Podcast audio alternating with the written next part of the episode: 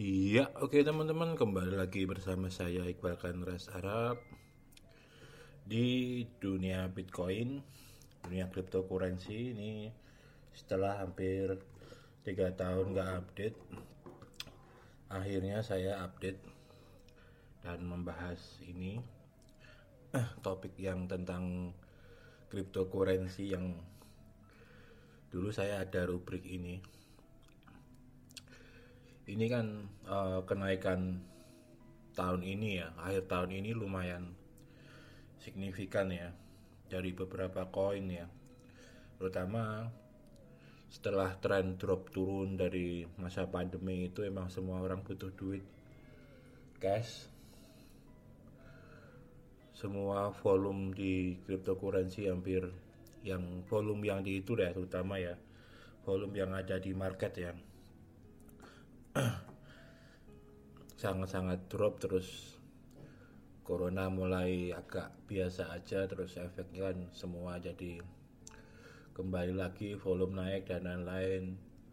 Puncaknya ya kayak YFI bisa naik sampai harga berapa itu? 600 juta. Terus YFII juga turunannya gitu yang terbaru ini kan Bitcoin naik terus terus hampir semua koin seperti XRP juga naik signifikan SLM gitu gitu kan. Uh, saya nggak mau membahas tentang teknikal kenapa bisa naik ya karena sebenarnya itu kalau kita memposisikan diri sebagai seorang pedagang ya kenaikan itu kan pasti ada beberapa faktor ya isu sosial gitu-gitu kayak terus apalagi tidak ada yang jual mungkin. Karena volumenya udah kapasitas koinnya udah habis mungkin. Kan setiap koin itu kan dibuat beberapa ada yang memiliki jumlah maksimalnya ya ketika dikeluarkan ya. Misal kayak Bitcoin itu kan berapa juta saya lupa 21 apa 22 gitu. Terus apa terus apa gitu itu kan dia punya ketika koinnya bloknya itu udah habis semua ya pertukarannya akan menjadi peer to peer yang uh, ya tukar beli gitulah kayak kalau produknya cuma ada 10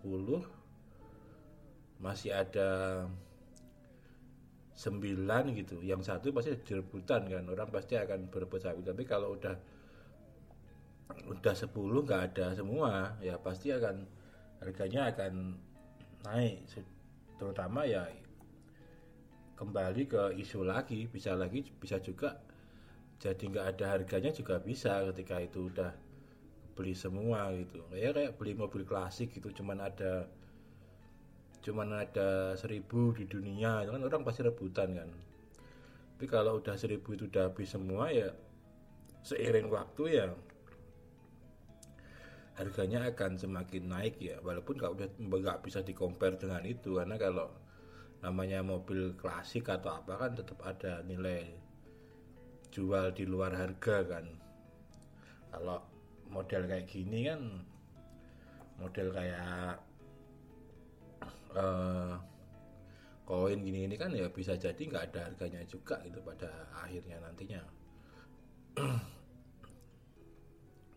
Yang perlu dipahami itu itu anak ya kenapa itu kalau saya sih nggak pernah nggak pernah selalu nganjurin orang bahwa bitcoin itu investasi gitu enggak ya bener-bener dibilang investasi yang murni juga kalau bisa juga tapi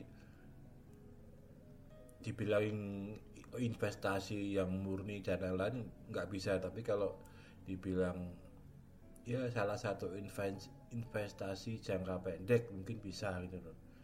Karena harganya sangat fluktuatif. Kalau teman-teman nggak trading ya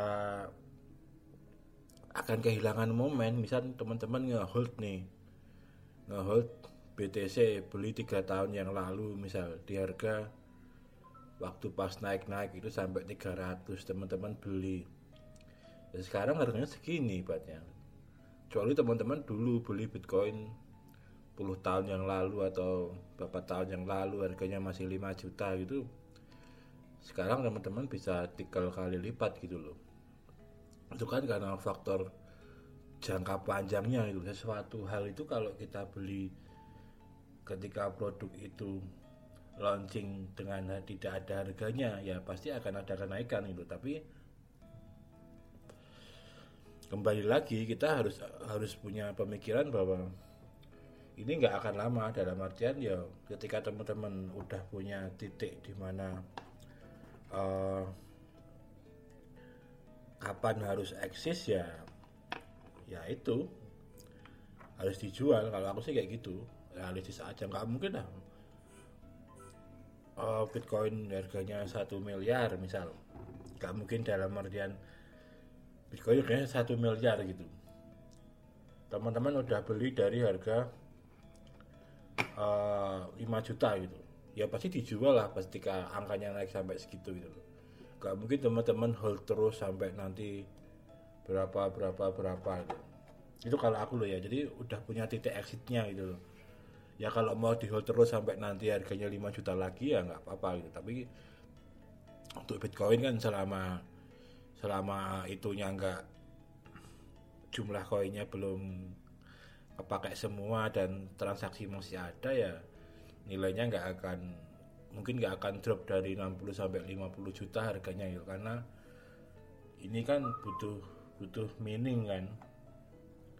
Butuh orang untuk server untuk uh, melakukan apa namanya perpindahan koin gitu karena ongkosnya itu untuk sekarang ya listrik dan lain-lain ya nggak nggak nggak cocok kalau kalau di bawah 50 sampai 60 juta gitu loh ibaratnya. Skalanya kalau skalanya gede loh ya ibaratnya. Makanya ada beberapa koin ketika koin itu ada ada meaningnya sebenarnya. Dia akan memiliki seperti secara tidak langsung batas book lah. Batas book itu ya batas terendahnya itu loh itu loh. Terendah yang itu tidak untung ibaratnya bagi orang yang mining gitu loh. Karena blockchain dan lain-lain cryptocurrency kayak gini kan butuh server buat buat orang berpindah kan selama masih ada satu komputer yang hidup dan lain-lain ya transaksi masih bisa jalan loh tapi kan untuk nyuruh orang hidupin komputernya itu dan lain-lain kan emang mereka butuh listrik butuh apa buat buat mining itu kan. Biasanya seperti itu sih logikanya. Tapi kalau kalau uh, ini kembali saya ngasih tahu ke yang yang yang orang awam ya kadang itu nggak nggak paham gini. Dikira itu uh, harga kripto dan lain-lain gitu itu sama kayak kita beli apa ya? Yang harganya itu selalu naik nggak pernah turun itu loh. Di persepsi mereka itu seperti itu loh yang orang-orang awam. Apalagi kalau digoreng media dan lain-lain. Padahal kalau orang yang udah main lama bitcoin dan lain-lain ketika berita itu udah muncul ke media bahwa itu kenaikan segini ya mereka itu udah tinggal jual sebenarnya. Jadi orang-orang FOMO istilahnya yang baru high kayak gitu-gitu kan pasti beli di harga tertinggi gitu loh. Karena mereka nggak nggak pernah mau mungkin mengulik beberapa waktu bahwa ini standarnya harga Bitcoin itu berapa sih kemarin harganya habis berapa gitu nggak nggak pernah. Jadi ketika beli ya udah waktu tinggi itu gitu. Dan ketika short wah langsung panik bukan main gitu. Padahal ya emang emang saat itu ya karena naik karena volumenya juga bertambah gitu loh. Orang yang transaksi juga udah banyak orang yang mau beli juga banyak. Berarti kan logikanya harganya pasti akan naik gitu loh. Tapi kalau nggak ada orang yang beli marketnya lagi sepi ya pasti akan turun-turun juga gitu loh. Nah kayak gini-gini yang yang kadang orang itu nggak nggak paham gitu loh. Bahkan uh, saya sambil ngerokok ya orang yang kayak gitu pun masih ngebandingin sama emas gitu. Padahal kalau menurut saya loh ya emasnya juga sama aja. Dia itu cuma buat tabungan jangka panjang kalau buat saya seperti itu. Drop-dropnya ya nggak akan nggak akan mungkin sesor sampai berapa gitu loh penurunannya gitu loh. Tapi kalau untuk jangka pendek setahun enam bulan ya kebanyakan malah rugi ketika dijual gitu loh. Karena kita kena potongan itu itu kalau mindsetnya seperti itu. Tapi kalau mindsetnya itu nabung ya udah orang namanya nabung kan buat lama kan. Tahun dua tahun gitu. Lima tahun gitu gitu dulu saya beli emas tiga tahun lalu masih 650 ibaratnya.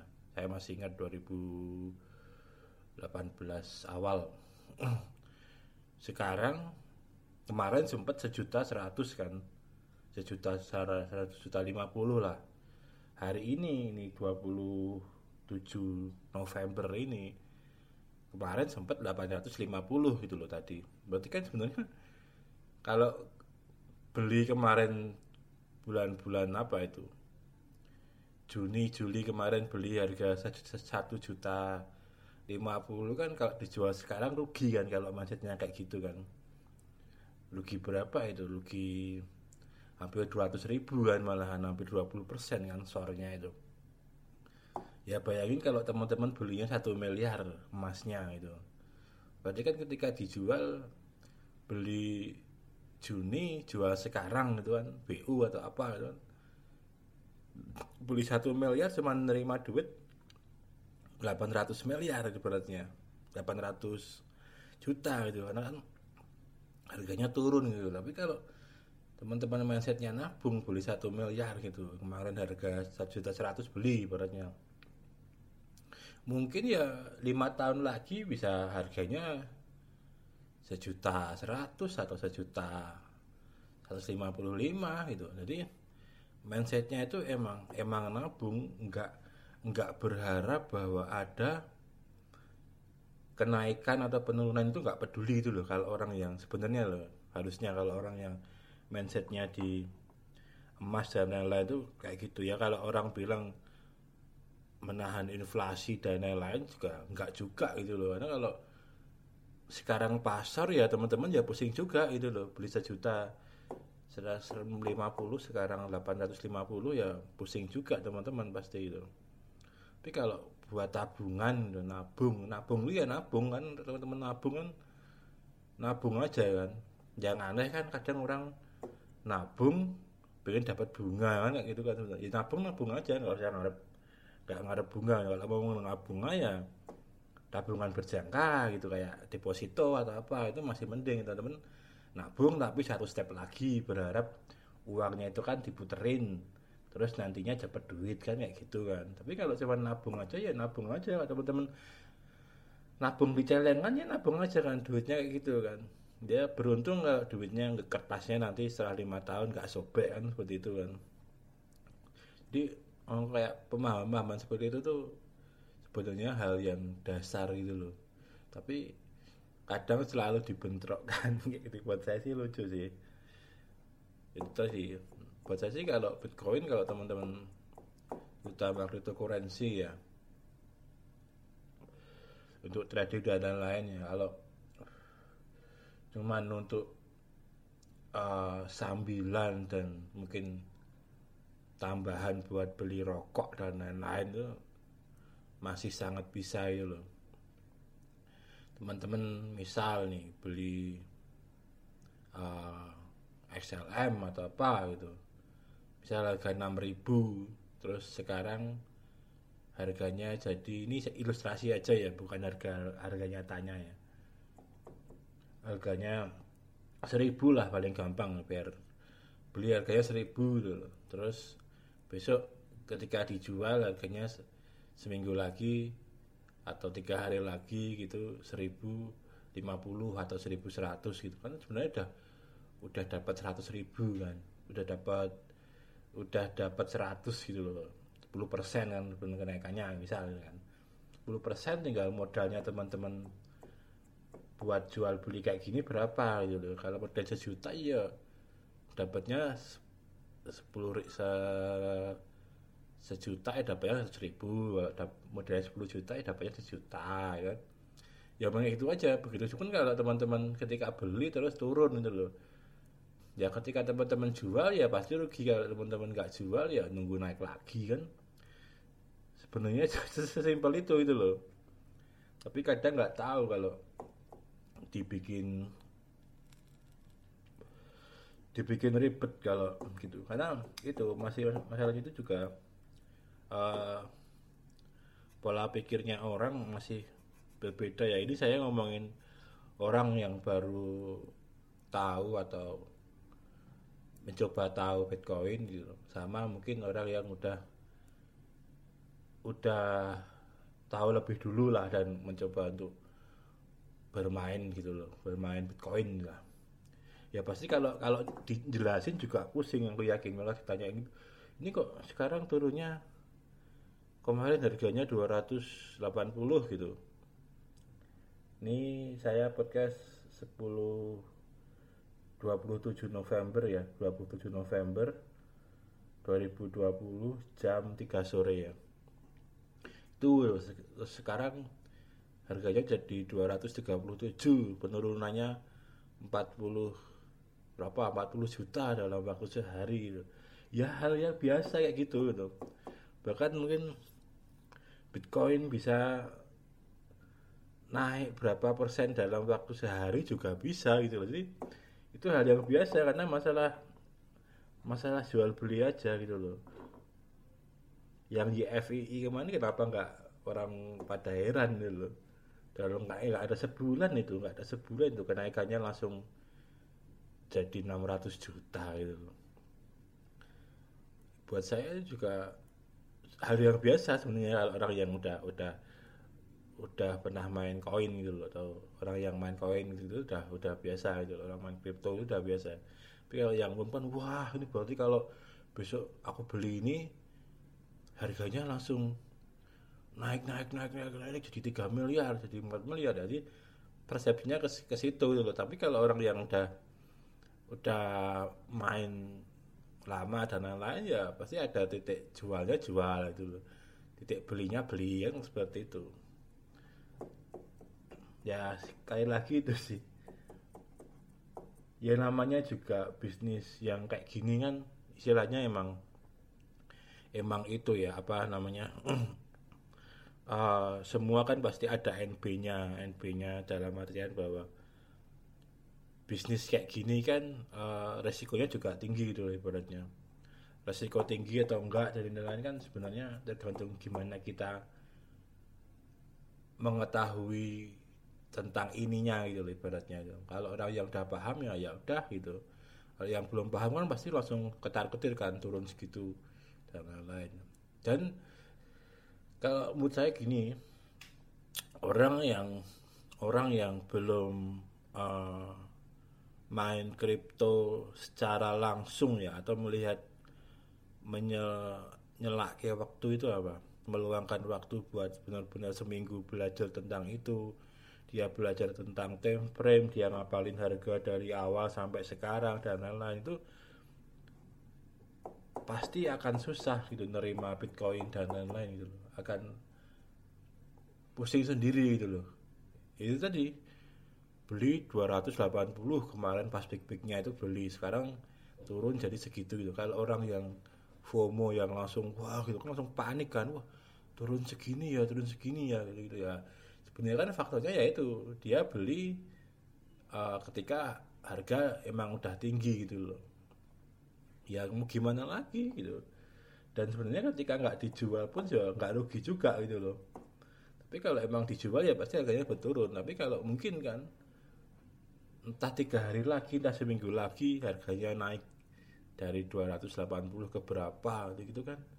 Sebenarnya bisa juga. Bagaimana itu teman-teman yang beli 2017 akhir itu? Beli di harga 2017 akhir 2018 awal itu. Beli di harga 300 beli di harga 300 atau 400 gitu. Bitcoin gitu. Pasti pusing juga gitu loh. Tapi kalau sebenarnya enggak dia menggunakan bukan uang utama itu loh. nunggu aja itu pasti ada titik di mana itu akan naik lagi. Kalau saya sih percaya gitu ya karena sebenarnya cuman cuman itu sih. Kita itu cuman ngintili orang yang memang punya modal gede buat buat beli itu dan ngejual sebenarnya seperti itu. Ya hampir semua namanya barang komoditi kan seperti itu ya. Semua yang punya modal gede ya dia bisa ngehold lebih banyak gitu loh. Dan mereka bisa dia juga bisa jual lebih banyak juga gitu loh. Sebenarnya seperti itu sih.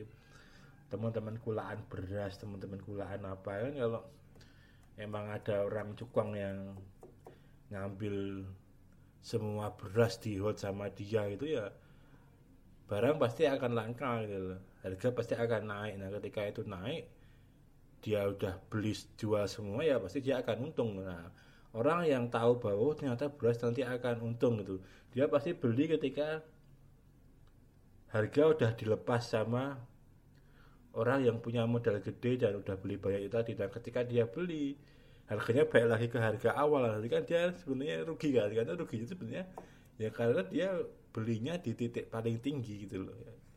Cara bodohnya kayak gitu makanya kadang bingung kalau saya jelas karena agak teknikal ya kalau kita main kripto itu sebenarnya. Jadi nggak nggak nggak makanya nggak semudah orang jelasin gitu mau jelasin ke compare sama emas pun ya masih logikanya bahwa emas akan selalu naik orang seperti itu. Padahal itu tadi faktanya kan dari kemarin ke sekarang kan dari dari satu juta satu juta lima puluh kemarin sampai hari ini 800 itu kan ya turun-turun juga kan pada akhirnya kan.